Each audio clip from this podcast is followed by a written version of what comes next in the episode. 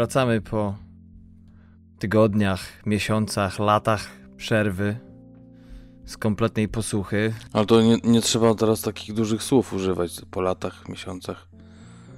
Po miesiącu. Ja nie pamiętam, kiedy ostatni raz nagrywaliśmy razem. No miesiąc temu. Nie, tam więcej. miesiąc temu, to w zeszłym roku było. Mm.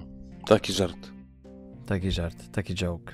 Jak tam, co tam u ciebie w, na Islandii, w Islandii? Ja nie wiem tak naprawdę do dziś, jak się powinno mówić. Co, już zdążyłeś się zaaklimatyzować? No nie. Nie, powiem ci, że po trzech tygodniach w takich upałach tropikalnych, które miały miejsce Mhm. w Polsce mm, i w którym mieście też, w ogóle chyba w całej Europie, poza tym pypciem, którym jest Islandia, Hmm. w sensie mówię o tym, jak to wygląda na mapie, to no, ciężko się przestawić z 32-33 stopni w cieniu do hmm, w cieniu, jak tu nie ma słońca, do 7-10 stopni. No właśnie, to jest ciekawa myśl w ogóle, jak to nazwać. Jest cień, ale oprócz cienia nie ma słońca. To to w tym drugim cieniu? Tak, w odcieniu szarości. Może i tak. Oj, pobalowaliśmy trochę po Polsce, co? No właśnie, właśnie. Tak mówiłem w, w swoim tym półodcinku, że powiemy może dwa słowa o tym, że faktycznie się spotkaliśmy. Mm. Chociaż jak pamiętasz, wypomniałem to nam, że nie zrobiliśmy sobie żadnego zdjęcia wspólnego, więc nie ma dowodu, że współtwórcy, założyciele i CEO TMF-u się spotkali kiedykolwiek. CEO. Nie chcę patrzeć na te długi. Dzisiaj patrzyłem na stopkę, gdzieś tam wpisałem Facebooka i widziałem właśnie CEO, COF. Mm. Tam wszystko mają no, li- literkowo. Spoko, i my się dorobimy. Jak już Patryk wspomniał, w końcu doszło do, do spotkania. Ja byłem tam z okazji tego, iż kiedy brałem ślub w Stanach Zjednoczonych, to moja rodzina z Polski nie mogła tam być z różnych powodów. No więc taki pomysł już jakiś czas temu się urodził, żeby w tym roku amerykańską stronę rodziny przetransportować drogą powietrzną do Polski, żeby się zapoznała ze stroną polską. No i było to weselicho, na którym to mieliśmy zaszczyt Patryka gościć. Czekaj, czekaj, teraz ja muszę powiedzieć. Nie, nie, Darku, ja miałem zaszczyt być ugoszczonym. A, dziękuję. Jeszcze pamiętasz ten rosół, tak? Te, te pierożki, y, najlepsze jest to, co serwują po północy. No. Bo nieważne co, ważne, żeby zaserwowali. Nie, no było dobrze. Czy dobrze było, to już nie mnie powiedzieć tak naprawdę, a gościom, ale rzeczywiście jedyna rzecz taka chyba największa, o którą się obawiałem, bo to, że tam wszystkim się rozwiążą języki z wiadomego względu po jakimś czasie, to o to byłem spokojny. ale od początku powtarzałem mojej rodzinie przygotowującej tę uroczystość, że pamiętajcie, Amerykanie to jest naród pijący inaczej trochę. No, Za bardzo do kieliszka jako takiego nie zagląda, ale przeżyli. Prawie wszyscy. tak, tak, ja też byłem zdziwiony. Byłem jednym z ostatnich, który wychodził i faktycznie trójka Amigos, yy, Trzech muszkieterów. tak, trzech muszkieterów trzymało formę do końca i faktycznie sam byłem zdziwiony, że dali radę. Inni już nawet starzy bywalcy, przynajmniej tacy z wyglądu, no, odpadli, a, a chłopaki się trzymali. No. Tylko jedna osoba mm, zaliczyła koniec imprezy pod kroplówką, ale nie będziemy mówili kto, bo prędzej czy później to do niej dojdzie. Słodka tajemnica. Ta, będzie kuksaniec. Tak. e, jeden czy drugi. Do dzisiaj wspominam sobie to z żoną ten wyjazd, bo ona po raz pierwszy tak naprawdę miała okazję odwiedzić nasz kraj w lecie. Zazwyczaj była to zima i zima u nas to nie jest najlepszy czas, żeby spędzać czas gdziekolwiek, z kimkolwiek, bo chyba, że z własną rodziną oczywiście, ale ani wyjść gdzieś, szybko robi się ciemno, człowiek też robi się senny, a, a lato jednak ładne było. No ale co to opowiada? Nie przesadzaj, nie przesadzaj. Zima w normalnych warunkach, gdzie masz dostęp do no generalnie jakichś dobrodziejstw miejskich, to zawsze jest gdzie wyjść, czy do tego całego kina, czy na lodowisko, przecież też lubisz chodzić, więc nie gadaj, że ciemno i senno. Słuchaj, w jakim ty mieście mieszkasz, co? Ile ma mieszkańców? Więcej niż pięć. No, to może skończymy temat, tak? Te lodowiska, aha, kina. Nie no, śmieję się oczywiście, ale jednak Zielona Góra fajną jaką jest w lecie, to jednak w zimie No, może jestem zbyt subiektywny, ale aż tak kolorowo nie jest. No ale tak czy siak, co ciekawe, lało tylko w te dni, kiedy mogło. A jak już przyszło co do jakiegoś ważne, ważnej uroczystości, czy wypadu na, nad jezioro, no to na szczęście słoneczko się pokazało. Skórka się spaliła. No, bo już nudno się robi. No nudno, nudno, ale trzeba było jakoś zapełnić ten czas, tym bardziej, że no właśnie z tą przerwą wkraczamy też przecież w nowy, powiedzmy w cudzysłowie, sezon naszej działalności, powiedzmy. No i też czeka nas sporo.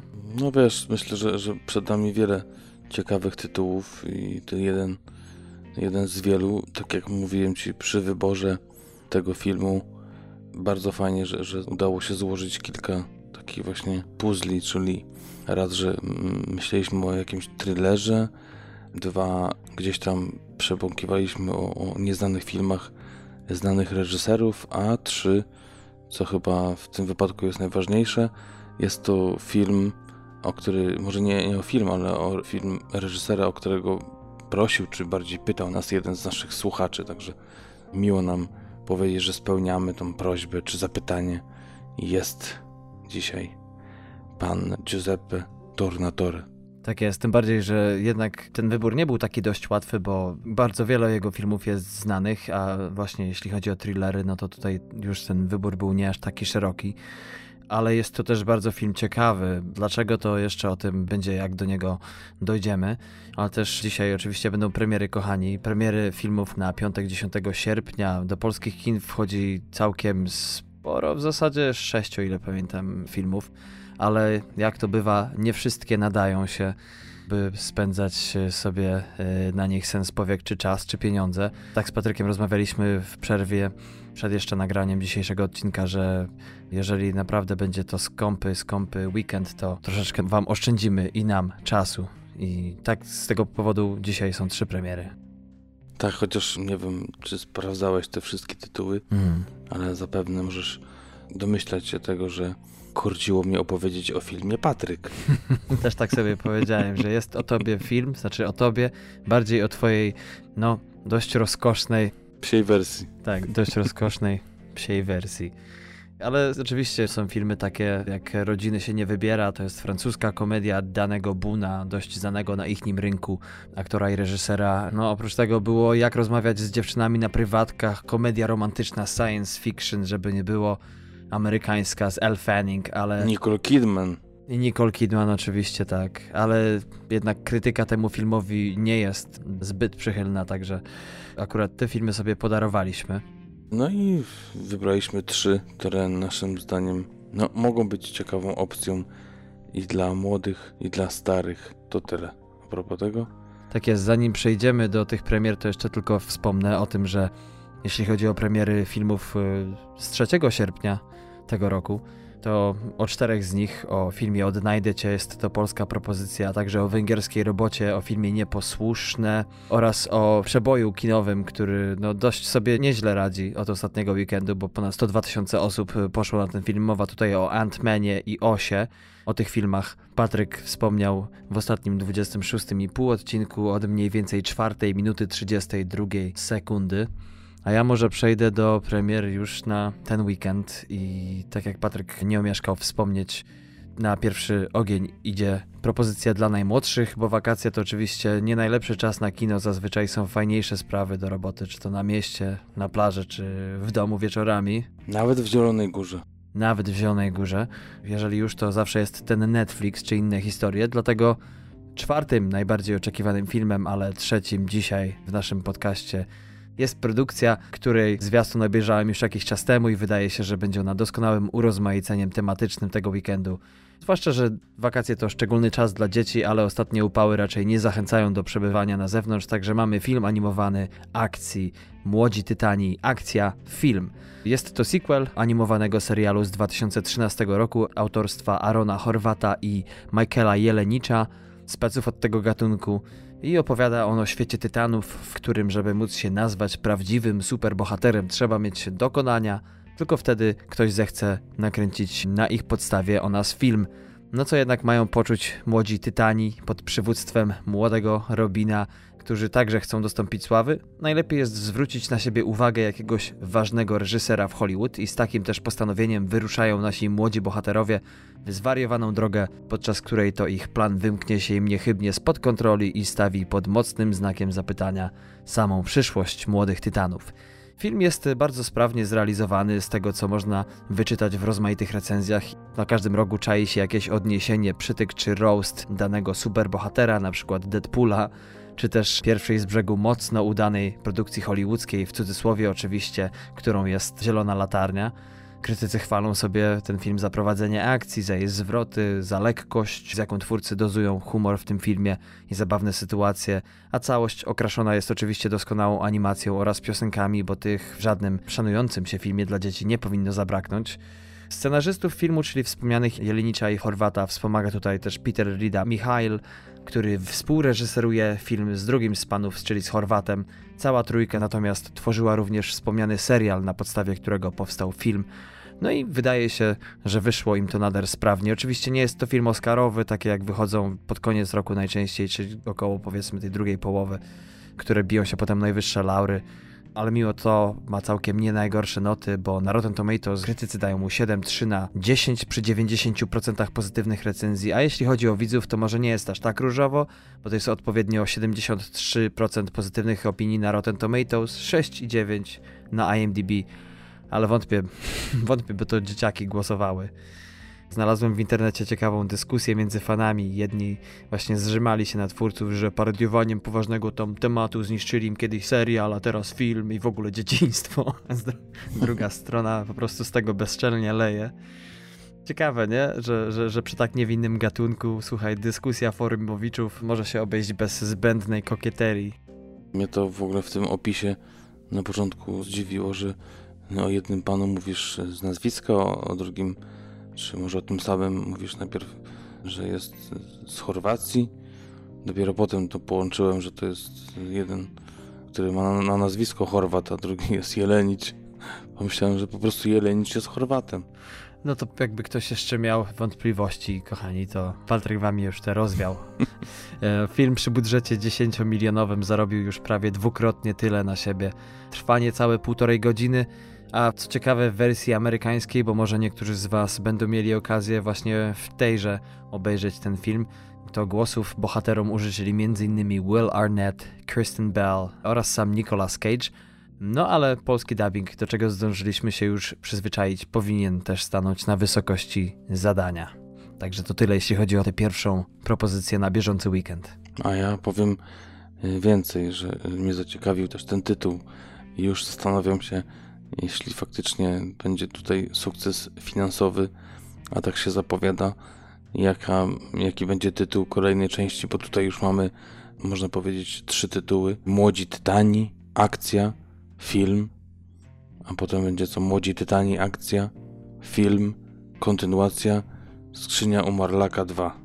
Też patrzyłem na to, dlaczego tak polscy producenci musieli wstawić to słowo film, żeby oddzielić, dać do zrozumienia, że to jest filmowa wersja serialu, który ma taki sam tytuł. Jak gdybym nie szperał, no nie jestem też jakimś tam geekiem tego gatunku, to bym nie wiedział, ale no coś trzeba robić czasami. Tak.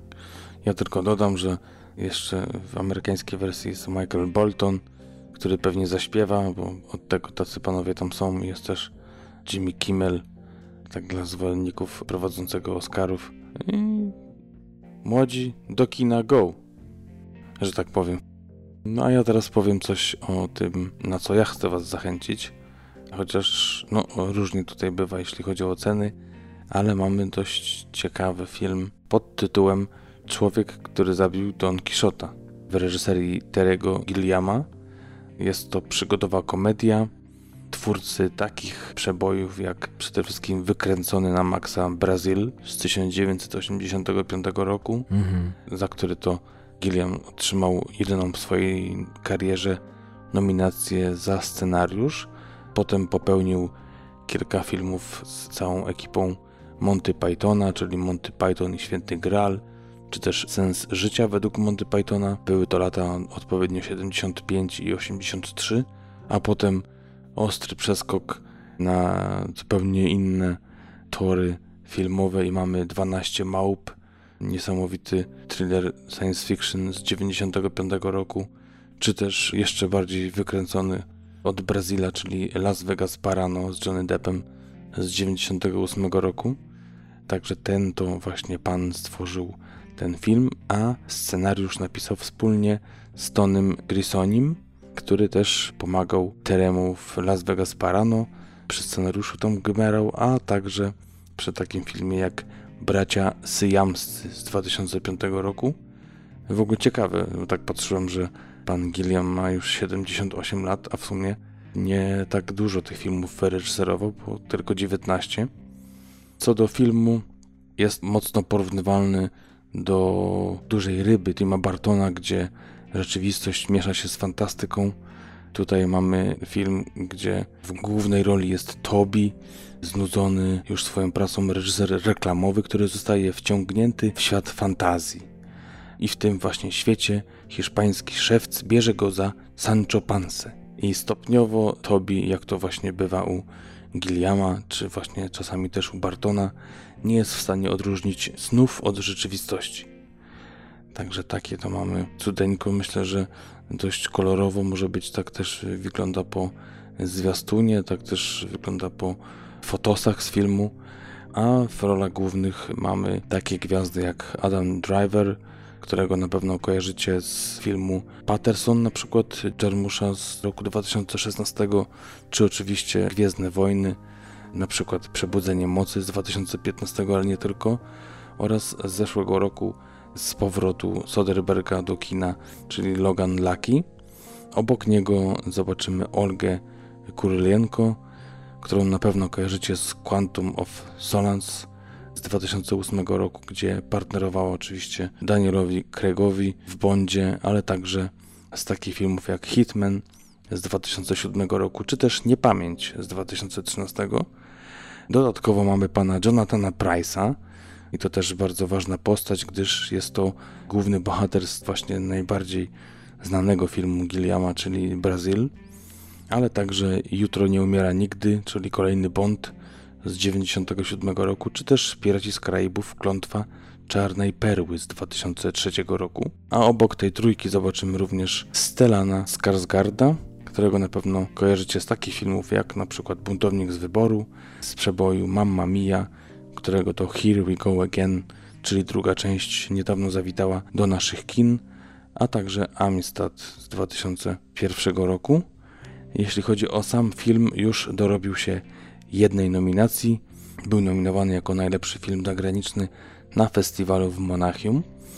Zdjęcia do filmu, no właśnie tak jak mówię o tych fotosach, o trailerze, widać, że były to bardzo ciekawe zakątki świata i tak to właśnie mamy. Lizbona i Tomar to jest Portugalia oraz tereny Kastylii i Wysp Kanaryjskich, oczywiście w Hiszpanii. Z takich ciekawostek tu można by wymieniać i wymieniać tak naprawdę, ale jest to jeden z najbardziej przeklętych, pechowych produkcji w historii kina chyba, bo tak naprawdę Gilliam próbuje ten film zrobić od 1989 roku. Na dobre zaczął 17 lat temu i tyle razy się coś nie udawało, że, że to aż nie do uwierzenia. Na przykład to, że kiedy w roku 2000 w sierpniu rozpoczęto zdjęcia i kręcono je gdzieś u wybrzeży, okazało się, że po tygodniu kręcenia przyszła wielka fala, która zmyła wszystkie skarpy, które zmieniły kolor i dokrętki już nie miały sensu. Tak samo jeśli chodzi o aktorów, mnóstwo przewijało się nazwisk. John Depp, Vanessa Paradise, Miranda Richardson, no tu można wymieniać i wymieniać nawet Jack O'Connell, którego dawno u nas nie było, a kiedyś zjawiał się bardzo często i John Hurt, który niestety, ale w zeszłym roku w styczniu zmarł. Także no, działo się, działo. Pieniądze próbował pan Gilliam zebrać, nie udało się. Właśnie w tym 89 roku, potem w 98 i dopiero wtedy w miarę równym tempem prace ruszyły, ale tak jak mówię, trwały prawie 17 lat.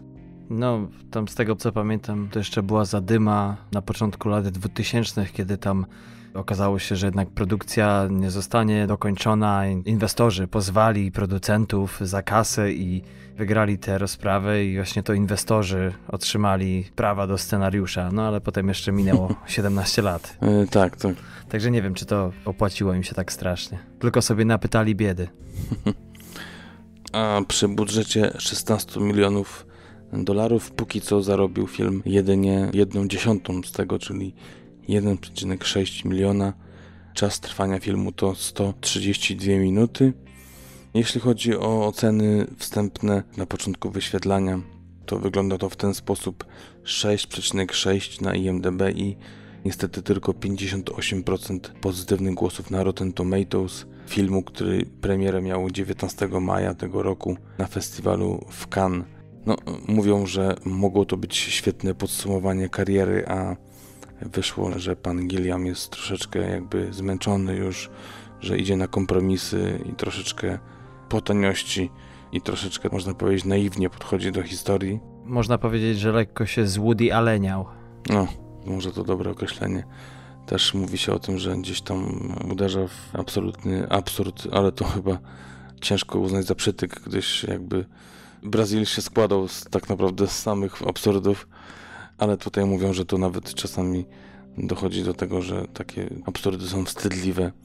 Nie wiem dokładnie o co chodzi, trzeba by się zmierzyć z tym filmem, żeby to ocenić i może akurat Wam będzie się chciało z tym właśnie uporać i sprawdzić, czy to tak naprawdę jest tak, jak mówią, czy nie. Ja myślę, że ciekawa wersja książki z 1605 roku, luźno oczywiście opartej na historii, bo tak jak powiedziałem, jest to troszeczkę jakby połączenie dwóch światów dzisiejszego i odległego z czasów właśnie, gdzie Don Quixote działał.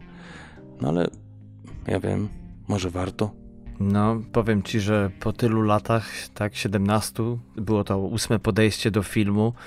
Chyba dla samego faktu właśnie, że ten temat tak długo nie mógł dojść do skutku, w końcu się pojawił. Jest to pierwszy film Gilliama, który kręci w cyfrowej technice. Także to akurat nic nie tłumaczy a propos jakości filmu, ale w końcu się pojawił, wybiorę się. Może ktoś, może gicy, fani szkoły Monty Pythona również zechcą. No a my przechodzimy już do najbardziej popularnego filmu, jeśli chodzi o weekend w polskich kinach i od razu z grubej rury. Patryku, jesteś wielkim fanem Mission Impossible? Jak to u ciebie wygląda z zamiłowaniem do tej serii? A tak powiem ci, że jak to się mówi potocznie, ni to grzeje, ni chłodzi. Czasami lubię, pamiętam, że jedynka zrobiła na mnie dość spore wrażenie, ale potem kolejne to tak... Eh. Jedna część działa, druga nie i tak no to słuchaj, to być może to jest film, który, jeżeli będziesz potrzebował jakichś, wiesz, szybkich emocji i adrenaliny i oczywiście nie mówię tutaj o kłótni z kolegami z Islandii. Czy też po fictionowskim zastrzyku w serce. no to słuchaj, jeżeli nie chcesz nic z tego powyższego, to mam dla ciebie, mam nadzieję, dobrą wiadomość, także i dla was, kochani, bo właśnie tego lata szósta część słynnego filmu z podtytułem Fallout wychodzi i muszę przyznać, że ja po obejrzeniu tego filmu stwierdzam, że seria ta nie tylko nie starzeje się, ale chyba będzie z nią coraz lepiej. Na pewno będzie gratką dla fanów gatunku, ale jest y, moim zdaniem filmem tak sprawnie zrealizowanym, że mi jako antyfanowi gatunku podpasował. Światowa premiera tego filmu miała miejsce 25 lipca tego roku. W Stanach wszedł on dwa dni później, natomiast akcja najnowszej części rozgrywa się dwa lata po ostatniej, kiedy to do głosu dochodzi nowy syndykat przestępczy pod tajemniczą nazwą Apostołowie, pod dowództwem nie mniej tajemniczego fundamentalisty Johna Larka, i grupa ta w dobie realnego zagrożenia bronią atomową planuje zdobyć trzy dodatkowe ładunki plutonu i z tego też powodu do Berlina udaje się Tom Cruise, czyli Ethan Hunt ze swoimi wypróbowanymi kompanami, czyli Benji Danem i Lutherem Stickelem, granymi odpowiednio przez Simona Pega i Vinga Ramesa właśnie do Berlina w celu zapobieżenia tej transakcji. Niestety plan ich bierze w łeb, kiedy Luther dostaje się w opały i podczas gdy Ethan zajęty jest wydostawaniem przyjaciela z opałów, apostołowie niepostrzeżenie znikają wraz z Plutonem, no i zabawa zaczyna się na nowo. Z tym, że czasu coraz mniej, ale grupa nie próżnuje i by zapewnić powodzenie misji, do grupy bohaterów dołącza grany przez Henry'ego Cavilla agent CIA August Walker. Za scenariusz i reżyserię filmu, podobnie jak poprzedniej części, odpowiada Christopher McQuarrie, mocno już uznana marka w Hollywood, mimo już może nazwisko takie niegłośne wcale. Przede wszystkim to twórca scenariusza do kultowego filmu Podejrzani z 1995 roku, za który też otrzymał statuetkę Oscara a inne znane filmy jego autorstwa to m.in. Turysta z Johnny Deppem, czy takie filmy z Tomem Cruisem jak Valkyria, Jack Richard na skraju jutra, poprzednia część Mission Impossible czy Mumia z zeszłego roku, za którą to nomen omen, no i wydaje się chyba całkiem zasłużenie, otrzymał złotą malinę. Trzeba było nie wchodzić w tę wodę. Tak. Jeśli chodzi o Cruza natomiast, to dodam tylko, iż w przyszłym roku powróci z Walem Kilmerem po uwaga 32 latach z najnowszym filmem Top Gun. Na to na pewno się wybiorę. Mam nadzieję, że nie z Partolą. Powiem ci, tak przyjrzałem się temu, właśnie bo czytałem te ciekawostki, że oprócz Toma Cruza oczywiście ten Wing Rhymes jest jedynym, który występował we wszystkich filmach i tak mówię, który to jest, który to jest. No to patrzę, a to jest przecież Marcelo Wallace, który jest tak kojarzony z jesienią średniowiecza, czy też ale może nie wszyscy wiedzą, że też dostał Złotego Globa kiedyś za rolę Donna Kinga, czyli największego w historii promotora boksu. Tak, tak, tak. Także to jest taka najdłuższa para, która jest od początku, i Simon Peck też występuje od trzeciej części, więc tylko dwie ominą. Dokładnie, to skoro wspomniałeś już tych panów, to tylko dodam, że Simona Pega mogliście ostatnio widzieć m.in. w powrocie do thrilleru sci-fi Stevena Spielberga Ready Player One, Henry'ego Cavilla, czyli agenta Augusta Wilsona, oczywiście widzieliście jako Supermana, między innymi w ostatnim filmie Liga Sprawiedliwości, chociaż mi ostatnio przypomniał się w serialu Dynastia Tudorów. E, jakoś sobie tak odświeżyłem ten serial w międzyczasie. To jest ten z John Collins? Dynastia Tudorów? Mhm. Grający postać Lutera Ving Rames, o którym Patryk już wspomniał, ostatnio wystąpił również w drugiej części Strażników Galaktyki, no ale to nie koniec, jeśli chodzi o aktorską obsadę tego filmu, czyli Mission Impossible, bo oprócz tej śmietanki aktorskiej w filmie ujrzymy również m.in. Aleka Baldwina, Rebecca Ferguson czy Vanessa Kirby, której wróżę wielką karierę. No mam nadzieję, że ją zrobi, choćby po tym, co pokazała zarówno w tym filmie, jak i w serialu The Crown, o którym już mówiliśmy na falach naszego eteru. Oceny szóstej części Mission Impossible są dość wysokie i moim zdaniem zasłużenie. Na IMDb jest to 8.3, aż 8.3 przy chyba o ile pamiętam ponad 60 tysiącach głosów, więc sporo. Na Rotten Tomatoes, mój drogi, tak samo 8.3 jeśli chodzi o recenzentów, przy 97% pozytywnych ich recenzji. I jeśli chodzi o fanów na Rotten Tomatoes, to jest to ocena 4,4 na 5 przy 91% pozytywnych opinii tychże widzów. Wielu krytyków twierdzi, że seria Mission Impossible robi się coraz lepsza. Ja sam się do tej opinii przychylam i to jest chyba jeden z najlepszych filmów tego lata, tak mi się wydaje, mimo już mógłby być może nieco krótszy, tak 10-15 minut, ale wiadomo, antyfani głosu nie mają. Dodam jeszcze tylko, że przy budżecie 178 milionów film ten zarobił już prawie dwa razy tyle, ale póki co to i tak jest dwa razy mniej niż najbardziej kasowa poprzednia jego część. Chociaż trzeba też nadmienić, że od momentu powstania pierwszej części tego filmu tendencja zarobkowa kolejnych jest zwyżkowa, więc wydaje się, że iż ten film pobije kolejny rekord. Tym bardziej, że ta część ma najlepsze ratingi w ogóle, bo po zapaści drugiej i trzeciej części, bo te miały nieco ponad 6.0 na IMDb, ostatnie dwie miały już po 7.4, teraz jest 8.3, także moim zdaniem warto, warto, warto wybrać się nie tylko fanom gatunku, ale w ogóle jeżeli chcecie obejrzeć coś dobrego i gatunkowego. Czas trwania tego filmu to 2 godziny i 27 minut, no i kończę, bo się zasapię zaraz. To ja jeszcze dodam, jeszcze lecąc na twoim tchu, że wszystkie sceny kaskaderskie oczywiście Tom y, wykonał sam oraz to, że jest to pierwsze Mission Impossible, które będziecie mogli zobaczyć w 3D. Tak jest, a oprócz tego, skoro już powiedziałeś o tych wyczynach kaskaderskich, to na YouTubie możecie nawet znaleźć nagranie tego, jak Tom Cruise wykonuje jeden ze swoich stantów, skacze daleko, skręca kostkę. No i to spowodowało, że zawiesili zdjęcia na aż 8 tygodni. Nikomu oprócz Cruzowi nie pozwoliliby na coś takiego, aż na 8 tygodni, żeby stanęło wszystko, a płacić musisz.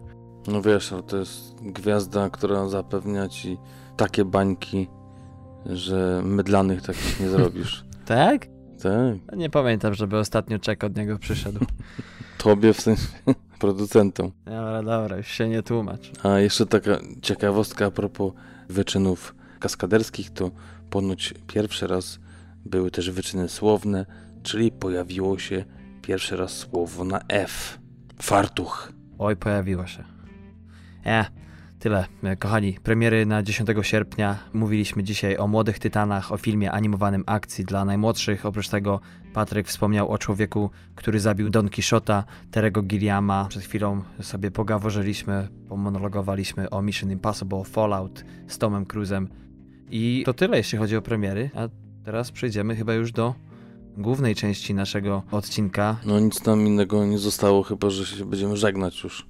No chyba to, chyba że jeszcze może wspomnisz po prostu, gdzie nas można znaleźć w internetach. W internetach jesteśmy na Facebookach i na WordPressach. Na WordPressach jesteśmy na www.tmfpodcast.com, a na Facebookach i też Instagramach po wpisaniu wyszukiwarkę TMF Podcast, oczywiście pisane razem, również znajdziecie nasze logo z kamerką i napisem TMF Podcast, czyli nasze konta na tych obu platformach, portalach, stronach, jak zwał, tak zwał. Tak jest, tam bardzo dużo ciekawostek. A teraz już główna część naszego programu rozrywkowego, film Nieznajoma, wspomnianego już przez Patryka Giuseppe Tornatore.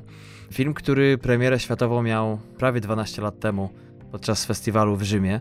Do kin wszedł w 2007 roku. W Stanach musiał wejść w ograniczonej ilości, żeby załapać się na Oscary w roku następnym.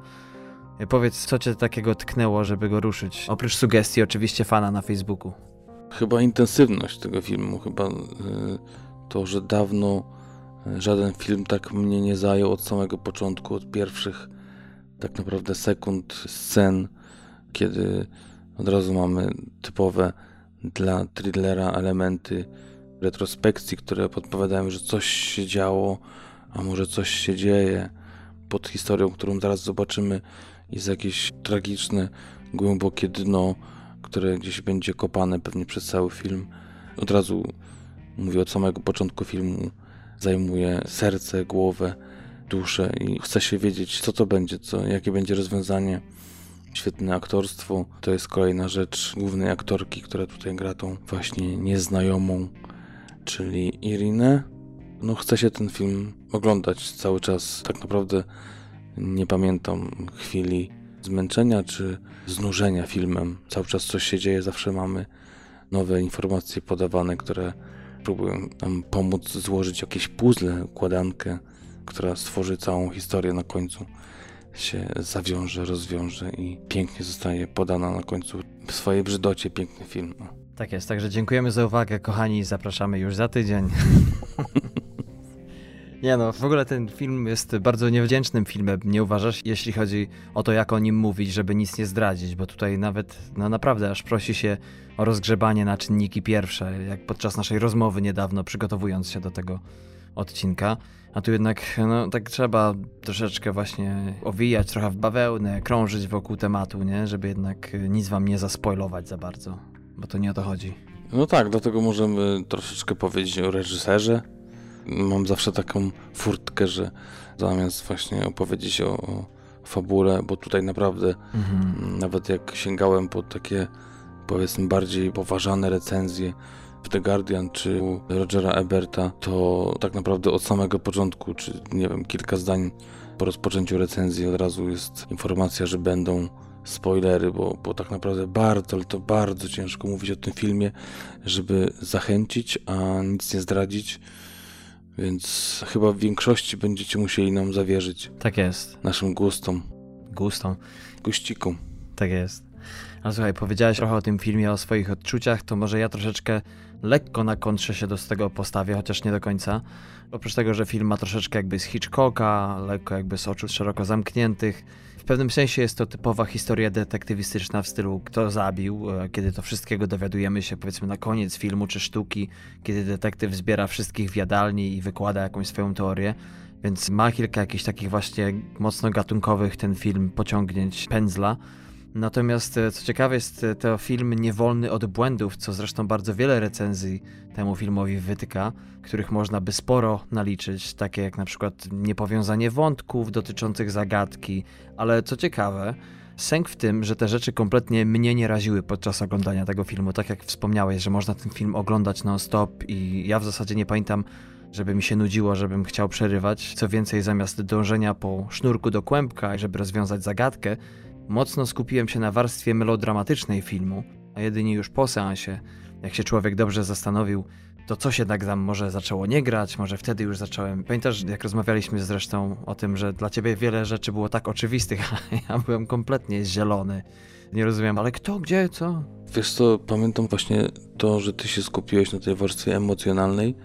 Dla mnie też było bardzo ważne, ale jednak gdzieś tam od początku właśnie przez te takie podawane z nienacka i, i tak dość dobitnie i z drugiej strony zdawkowo.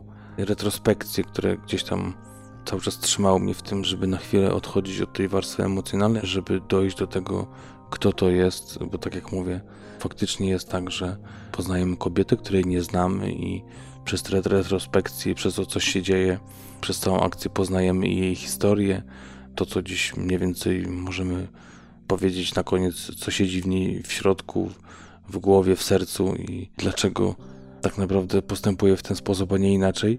To też jest ciekawe, że właśnie wiesz jeden film, a tak naprawdę jakbyś ty siedział z lewej strony ekranu, a ja z prawej. No nie wiem, czy dobrze to ująłem, ale... Może w 3D słuchaj, że te fazy naszych obrazów są lekko przesunięte względem siebie. O, nie? o jak w 3D bez okularów, tak. Czyli w ogóle o kant tyłka rozwinie.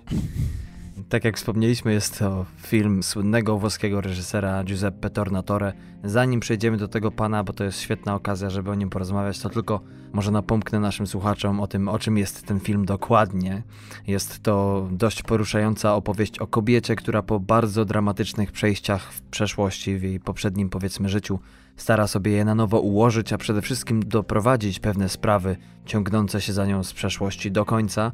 Irina, bo o niej mowa, pochodzi z Ukrainy. W filmie zostajemy w poszukiwaniu pracy i nie boi się imać jakichkolwiek zadań, czy to mycia okien, podłóg czy schodów. No i w pewnym momencie jej energia skupia się na otrzymaniu pracy jako pomoc domowa u dobrze prosperującej jubilerki, która to wychowuje swoją kilkuletnią córkę wespół powiedzmy z jej byłym mężem. I jak to mówią dla chcącego nic trudnego, po krótkim czasie Irina dopina swego i staje się częścią życia rodziny. Nie wiem, czy ty byś jeszcze coś dodał do tego, czy taki ci styka opis tego filmu? Wiesz co, nie kojarzę tego, że to był od początku były mąż, tak? No właśnie, to jest ciekawe, bo tak mi się wydawało, że napomkniesz coś o tym, bo sam jestem trochę skonfudowany z tego względu, że nawet jedna recenzja mówi właśnie o nim jako byłym, potem jest recenzja, która właśnie mówi, że to jest jej mąż jednak, ale nie mieszka razem. Jak ty to widziałeś, że oni jednak są razem? Bo faktem jest niezaprzeczalnym, że nie mieszkają razem jednak. No właśnie, jak na byłego męża, to trochę jednak za często się pojawia w domu, mi się wydawało. I przede wszystkim za dużo czasu spędzał w domu, a typowy taki, tak mi się wydaje, obraz rodziny po rozwodzie to jednak jest taki, że ojciec, no to przeważnie tak jest, że ojciec przychodzi odebrać córkę i na przykład zabiera ją na weekend czy na wakacje, a tutaj było tak, że ich odwiedzą, zostawał czasami na obiad. To mnie trochę tak dziwiło, no ale może no właśnie tak. Hmm. No może to jest po prostu takie nowe rozwództwo, takie nowe, lepsze. Może. Jeżeli mają się w ogóle ludzie rozchodzić, to może w ten sposób, jeżeli to było faktycznie małżeństwo po rozpadzie, to faktycznie możliwie idealnie te stosunki między byłymi małżonkami wyglądały. Przede wszystkim nie odbijało się to na dziecku. Chociaż nie zdradzając za wiele, jest jedna scena, która powiedzmy, no nie do końca nam. Ojen, wiadomo, że jak jest rozpad, czy nawet jakby to było małżeństwo, to musi być jakaś reakcja ze strony córki, że się tak nie układa między nimi jak powinno. Ale na to, jak faktycznie to miało być małżeństwo po rozwodzie, to całkiem nieźle sobie radzili. W każdym razie, no to nie jest takie może ważne. Ale kłótnia fajna, o to tyle dodam do tego. Tak. No ale tak mówimy o tym, a mieliśmy o reżyserze, o Giuseppe. Patryku, znany tobie całkiem dobrze reżyser, prawda? No tak, jest reżyserem jednego z pierwszych filmów, które widziałem z żoną. Oczywiście ja widziałem go wcześniej, ale żona do dziś jest pod ogromnym, ale to przeogromnym wrażeniem Cinema Paradiso, którym tak wypłynął i właśnie tutaj wracamy do tego, jak traktować Oscary. Film dostał Oscara za film nieanglojęzyczny, ale Oscara dostał producent, Nawet przejrzałem się dzisiaj temu, jak otrzymywał nagrodę ten film, to producent się wypowiedział, potem chciał oddać mikrofon Tornatory, ale oczywiście weszła muzyka i reklama i wszystko popsuła i wtedy jeszcze nie zatrzymywali tej muzyki, więc no niestety chłopak nie podziękował ani, ani sobie nie pogadał, a miałby jedną szansę do dziś. Mhm. Ale straszna szkoda, bo wtedy miał 32 lata, w ogóle zadebiutował tak naprawdę pełnometrażowym filmem, kryminałem w wieku 30 lat, filmem Kamorysta, na którym też, prawda, zastanawialiśmy się, czy jakoś ugryźć go w pewien sposób, ale chyba nam do końca nie podszedł. No tak jak mówiłeś, że chyba jednak czas, który minął, niestety trochę przypruszył siwizną ten film i w niektórych miejscach zestarzał się wyblakle niektórych trzyma się świetnie, ale jednak jeżeli mieliśmy wybrać tego reżysera i tylko jeden jego film, a tak naprawdę poza tymi dwoma, no i tym myślę, że już można powiedzieć z perspektywy dwóch lat, że mhm. dość Tornatore się nie udał, czyli y, film z 2016 roku La Corrispondenza z roku właśnie 2016 z Jeremy Ironsem i Olgą Kurylenko. No, poza tym filmem i tymi dwoma bo reszta jest i świetnie przyjęta i znana.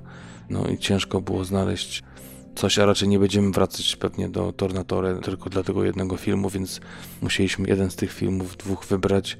No i padło na nieznajomą, która chyba no po prostu więcej emocji w nas zostawiła i bardziej dziś jesteśmy chyba przywiązani i tak myślę, że to był lepszy wybór. On też mi się tak wydaje. Ten reżyser ma na swoim koncie 11 filmów. Między innymi są to Wszyscy mają się dobrze z Marcello Mastroianim z 1990 roku. Cztery lata później był ten słynny film Czysta formalność z Gerardem Depardieu i Romanem Polańskim.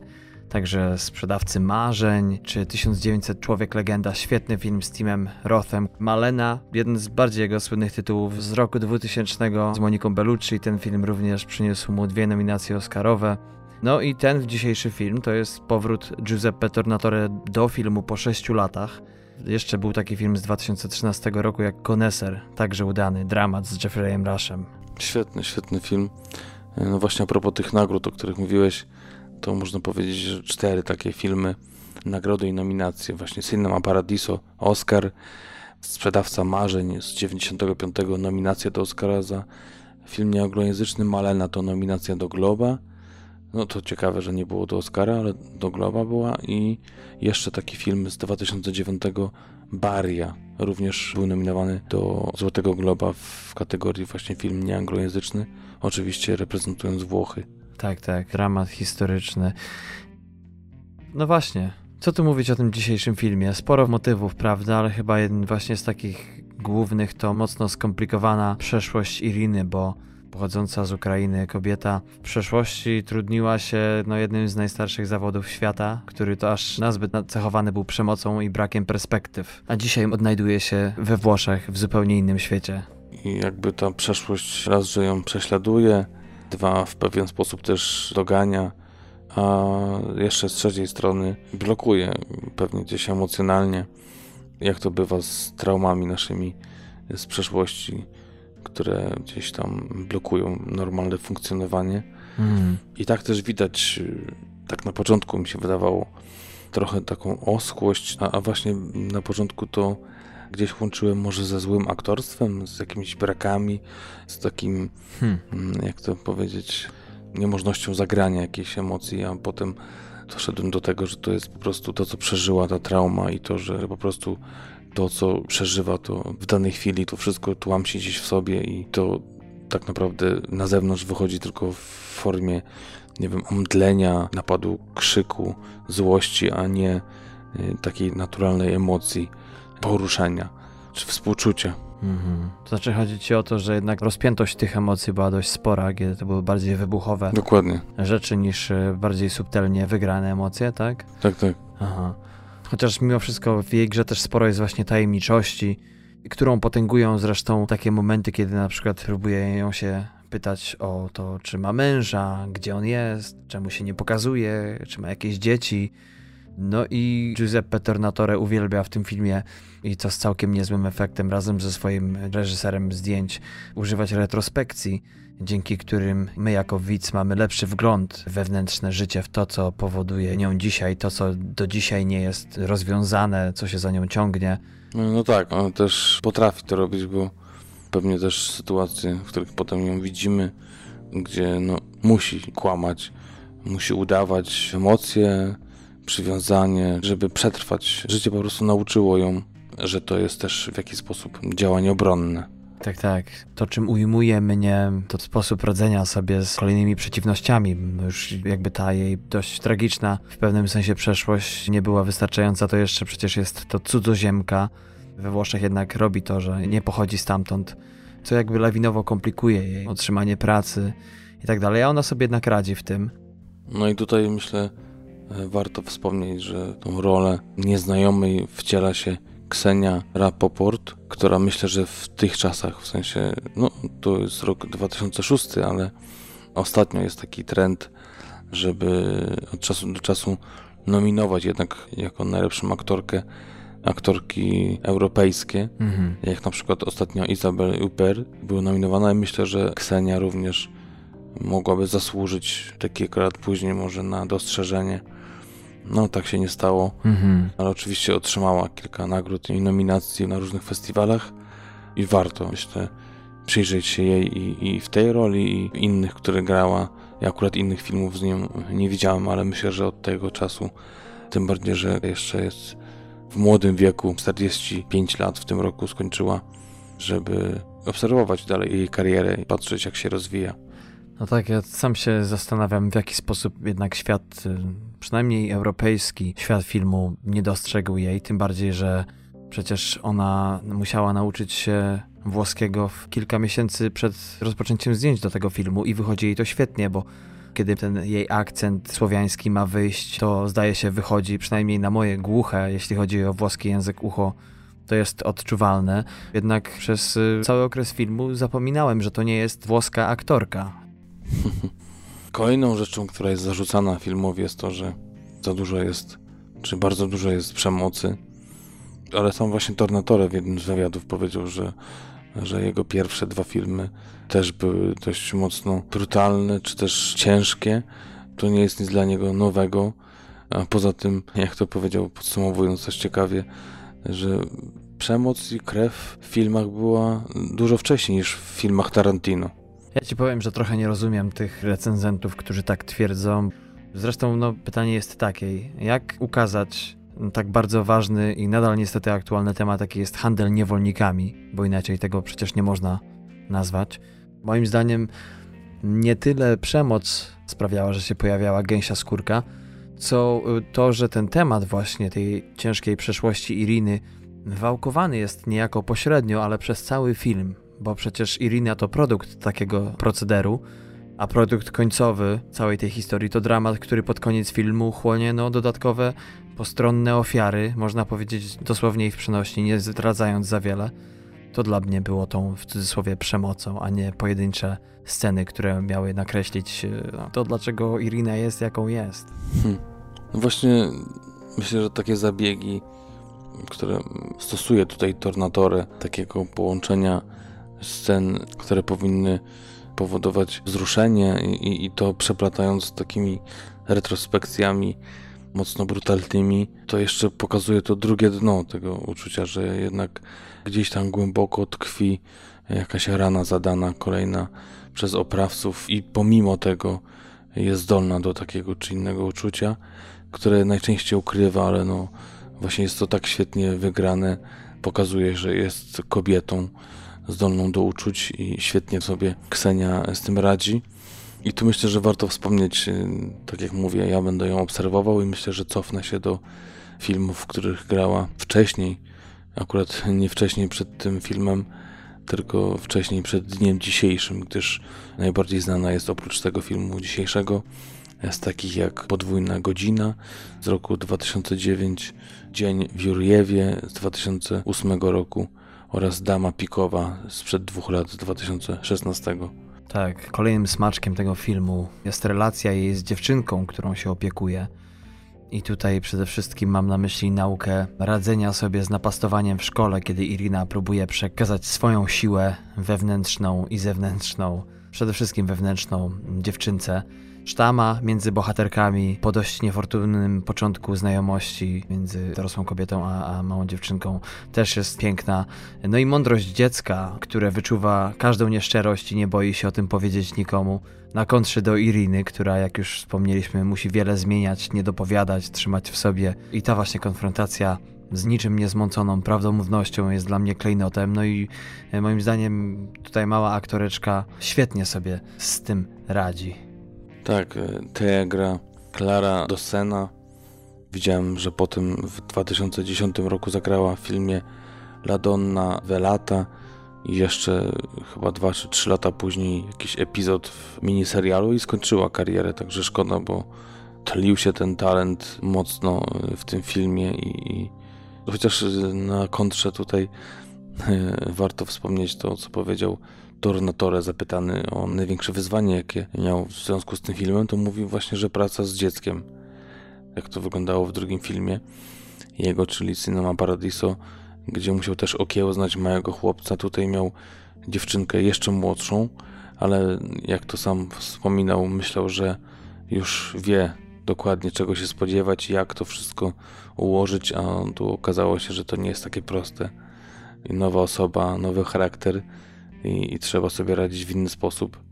Nie wiem, jak to było przy tej okazji, bo wywiadów dość mało jest a propos tego filmu, ale ciekawie wspominał, jak to wyglądało przy Cinema Paradiso, gdzie po prostu małego chłopca, który grał tam główną rolę, zagadywali, udawali, że to jest zabawa, bo tak jak powiedział, że nawet dla nich to byłaby nuda, a dla takiego małego chłopca po dwóch, trzech godzinach prób, powtarzania tego samego byłoby to zupełnie nie do zniesienia, a na pewno byłby znudzony, oni próbowali to tak wszystko za każdym razem inaczej robić, ograć, żeby on cały czas myślał, że to jest właśnie rodzaj zabawy, a nie, tak jak mówisz, żmudna praca na planie.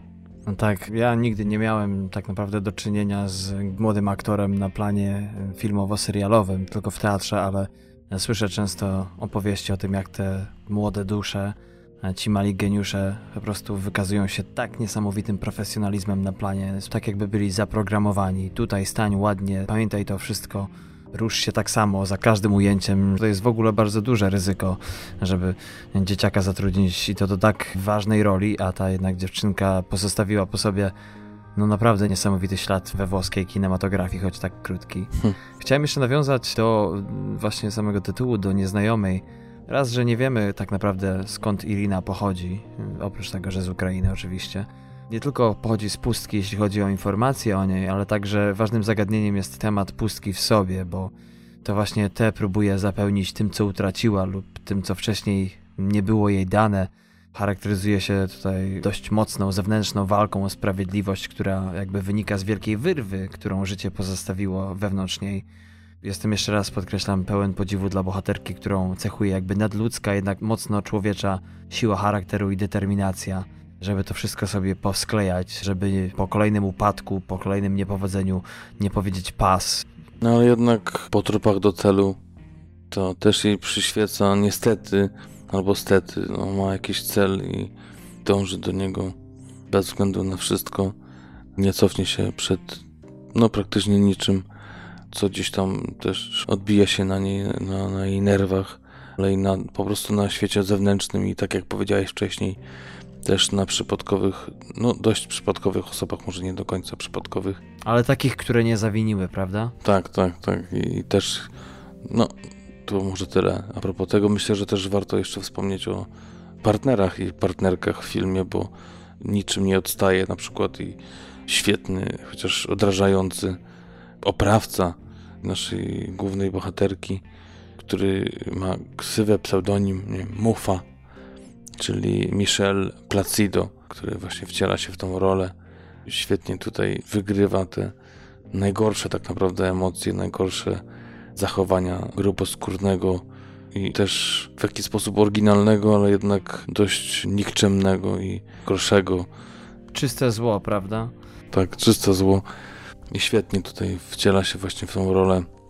Wcześniej mogliście go widzieć w takim filmie jak Zwyczajny Bohater z roku 1995, opowieść kryminalna z 2005 roku, czy też z tego samego roku co Nieznajoma film Kajman, ale także obok niego mamy kobietę grającą matkę tej, czyli Claudię Gerini. I tutaj mamy aktorkę, która zagrała w takich filmach jak Pasja z 2004 roku, czy też Pod Słońcem Toskanii z roku 2003 oraz myślę, że też dość mała postać, ale znacząca i też świetnie zagrana, czyli portier, człowiek, który pomaga Irinie znaleźć pracę i potem gdzieś przewija się przez jej życie e, codzienne, czyli Alessandro Haber. I tutaj też ciekawe w jakich filmach zagrał, czyli jeden film ciekawy, który znalazłem. Moje Włochy 2016 rok, Scazzo Pazo z 2008 i Człowiek w ogniu z 1987 roku. To ciekawe, jest to pierwowzór filmu bodajże z 2004 roku, w którym to zagrał Denzel Washington. Ale jest to film też na poły amerykański, gdyż zagrał tam i Joe Pesci i Scott Glenn, także też taka mocno hollywoodzka obsada, która była pierwowzorem dla tego przeboju też z Denzelem i z Dakotą Fanning. No i to chyba tyle, jeśli chodzi o takie najważniejsze postaci, które grały w tym filmie. Warto też wspomnieć, że sam film był przez Instytut Włoski Filmowy nominowany do nagrody Oscara. Był nawet na tej takiej ostatniej liście przed nominacjami, tej krótkiej takiej liście, czy jak to ją tam można nazwać, ale no do tej piątki nie wszedł film i oprzedł się smakiem, co jakby i tak nie zmienia tego, że filmem jest świetnym i pewnie tej nominacji godnym. No tak, dodam jeszcze a propos tego, co mówiłeś, że Boże, nie pochwalam tego, co czyni nasza główna bohaterka, bo siłą tego filmu jest to, że my jako widz wiemy, co ją powoduje, natomiast już w kategoriach etycznych i moralnych jej zachowanie bywa często mocno wątpliwe. Natomiast co ciekawe, tutaj mówimy tak sporo o tym aktorstwie. Dla mnie to zawsze jest ten wielki problem z kinem włoskim. Tutaj mogę porównać tego kamorystę. Bardzo często nie kupuję tego aktorstwa, jest to sztuczne i kilku aktorów czy kilka postaci w tym filmie też może lekko dla mnie właśnie przypominało mi taką nie do końca fajnie zestarzałą formę dramatyczną z Półwyspu Apenińskiego.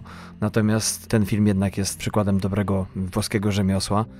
Co ciekawe, jeszcze przypomniało mi się, że a propos tego kamorysty, może ktoś z Was, kochani, będzie chciał go obejrzeć. Ciekawy film kryminalny, ale tak jak w tym filmie dzisiejszym, jednak nasza główna bohaterka ma sporo rzeczy, z którymi się może nie tyle identyfikujemy, co które rozumiemy, które sprawiają, że jednak współczujemy jej, czy, czy, czy jesteśmy po jej stronie w wielu rzeczach, przynajmniej rozumiemy ją. Jednak w tym kamoryście największym moim problemem a propos głównego bohatera było to, że po prostu od drugiej minuty skreśliłem go z listy kumpli. No tak, ja też miałem ten sam problem, e, żeby go polubić. Nie zawsze jest tak, że, że tego głównego bohatera lubimy. Na przykład Dzień Próby jest takim, myślę, dobrym przykładem na to, że jednak film się świetnie ogląda, a, a nienawidzimy tego w nietypowej roli Denzela Washingtona. Ale tutaj faktycznie jest taki no, w zupełnie innym stylu nie do lubienia i zgadzam się z tobą, że nie mówiąc o tym, żeby się z nim identyfikować, ale właśnie jakiś mu, nie wiem, współczuć, czy gdzieś trzymać za niego kciuki, był jaki był. Aczkolwiek tutaj, jak to powiedział Tornatore w jednym z wywiadów, wtedy główny bohater grany przez Bena Gazare no, był wtedy uznaną gwiazdą, marką na nie tylko włoskim rynku i gdzieś tam zgodził się zagrać w jego debiucie i jakby być postacią wiodącą i taką, która też na pewno przyciągnęła i do kin, jeszcze pewnie do dziś przyciąga widzów. Dziękował mu za to i powiedział, że będzie mu wdzięczny do końca życia za to, że się zgodził.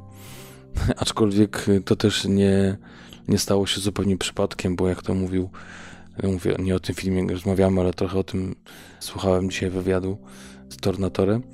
Mówił, że z kolei był wcześniej znany sam Giuseppe z filmów dokumentalnych i zrobił dokument o jakimś twórcy, który był przyjacielem właśnie Gazary. I ten obejrzał ten dokument i był pod wrażeniem y, i energii, i tego w jaki sposób zrobił. Dzwonił, pytał właśnie jak ty ten film zrobiłeś, skąd miałeś materiały i taki był zafascynowany tym, że taki młody reżyser do tego tak ciekawie podszedł i faktycznie potem zgodził się, żeby zagrać w debiucie Tornatore. Mhm. No tak, oprócz tego, że ten dzisiejszy film moim zdaniem charakteryzuje się naprawdę umiejętnym balansem emocjonalnym, bo nigdy nie przekracza moim zdaniem granicy przesadnego sentymentalizmu, brak w nim jest ckliwości, brak również banału czy taniej sensacji. A to jeszcze trzeba wspomnieć o podkładzie muzycznym autorstwa samego mistrza, czyli wspomnianego Ennio Morricone. Jest to jego już 13 film z Giuseppe Tornatore. Napisał niedawno do właśnie wspomnianego przez Patryka La Correspondenza, także do Conesera, do Bari i tak dalej, i tak dalej, i tak dalej. Pierwszy jego film to był oczywiście Cinema Paradiso. No i właśnie tutaj chcę sprawdzić, czy dobrze słuchałeś wywiadu, bo wiem, że słuchaliśmy tego samego. Ubawił mnie e, ten, ten fragment, kiedy znowu Giuseppe dziękował, że poznał właśnie Ennio i że tak mu się świetnie z, z nim współpracuje, ale mówił też o tym, że po pierwszych kilku filmach po prostu, nie wiem, nawet z dnia na dzień, jak miał jakiś pomysł na film, na jakąś scenę, to dzwonił do Ennio i rozmawiali o tym godzinami, gdyż Ennio miał taki pomysł, żeby właśnie nawet jakąś emocję czy kawałek historii, nawet na, na podstawie tego zrobić muzykę i mówi, że czasami było tak, że projekty, które gdzieś tam, przy których współpracowali, upadały, a oni tę muzykę mieli i potem sobie słuchali muzyki do filmów, które nie powstały. No ciekawe. Ciekawe jak to wyglądało, wiesz, dzwoni Giuseppe do Ennio i mówi, słuchaj, ale będzie nabudowanie emocji. Mówię, a to smyczki będą. Mówi, ale nie, nie, jest wojna. A to będą bębny. Kino alternatywne. Yy, no cóż, yy, mówiliśmy o plusach tego filmu. Minusy moim zdaniem jednak, jednak wychodzi w tym filmie, tak jakby pomyśleć już po tym o nim, że jednak nie do końca te wątki są, mm, jak wspomniałem, dobrze połączone. W tym przypadku dla mnie nie miało to żadnego znaczenia, ale uważam, że gdyby to robił inny reżyser, to te rzeczy naprawdę nie uszłyby mu płazem. Miałem też, powiem Ci szczerze, troszeczkę przytyków do samej końcówki. Uważałem, że jest za łatwa. Ja zawsze mam tak, że jak gdzieś nabudują się we mnie emocje i potem wszystko tak na końcu zostanie nam powiedziane, to potem uważam, że zostałem oszukany i proszę o pieniądze w kasie ale potem sobie tak pomyślałem, że może to właśnie było jedyne zakończenie, na jakie było stać reżysera, który zaserwował nam taki szalony i tak złożony koktajl. No właśnie, e, no i...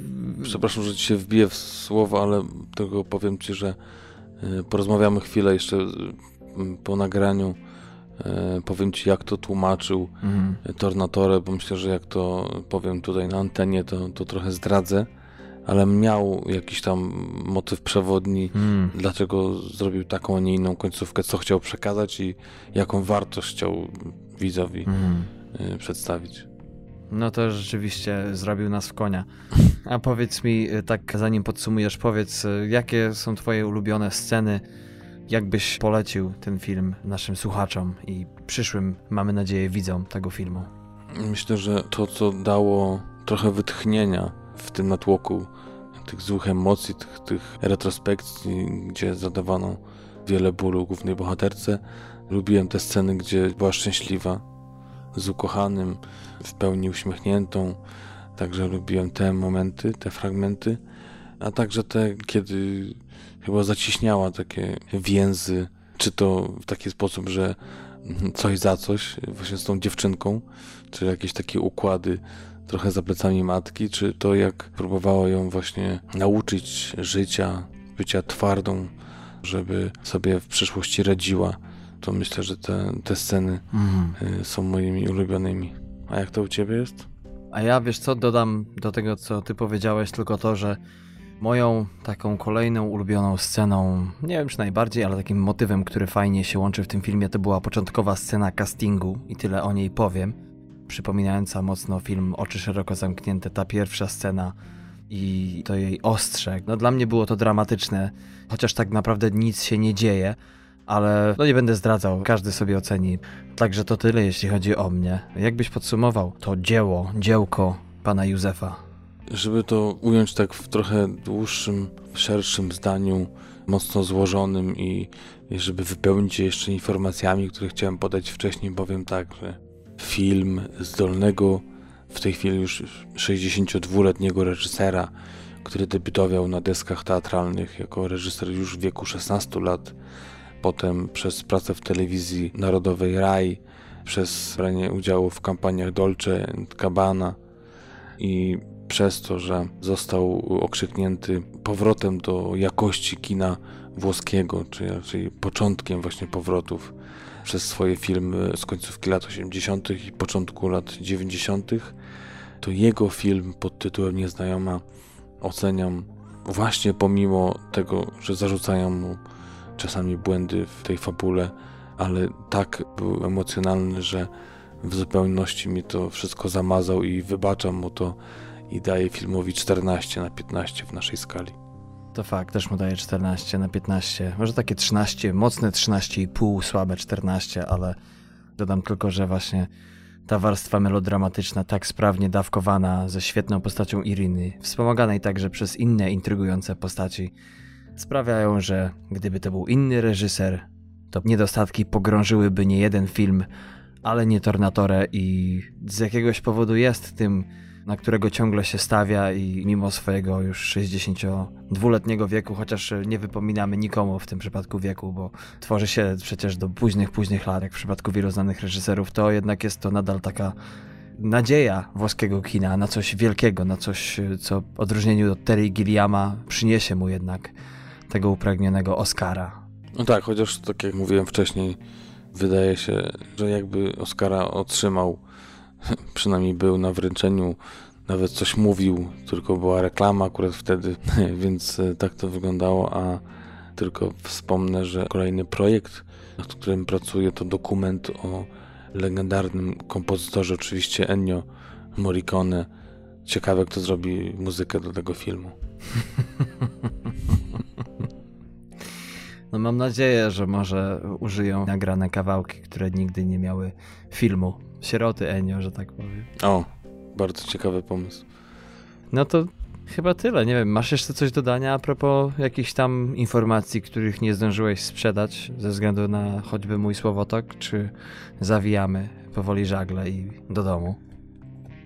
Nie, no do domu, tylko wspomnę, że na IMDB to jest ocena 7,5, na Filmwebie to jest 7,3 Czas trwania to 1 godzina 58 minut, a z tego co z kilku źródeł udało mi się złożyć przy budżecie około 8 milionów dolarów zarobił 6,8.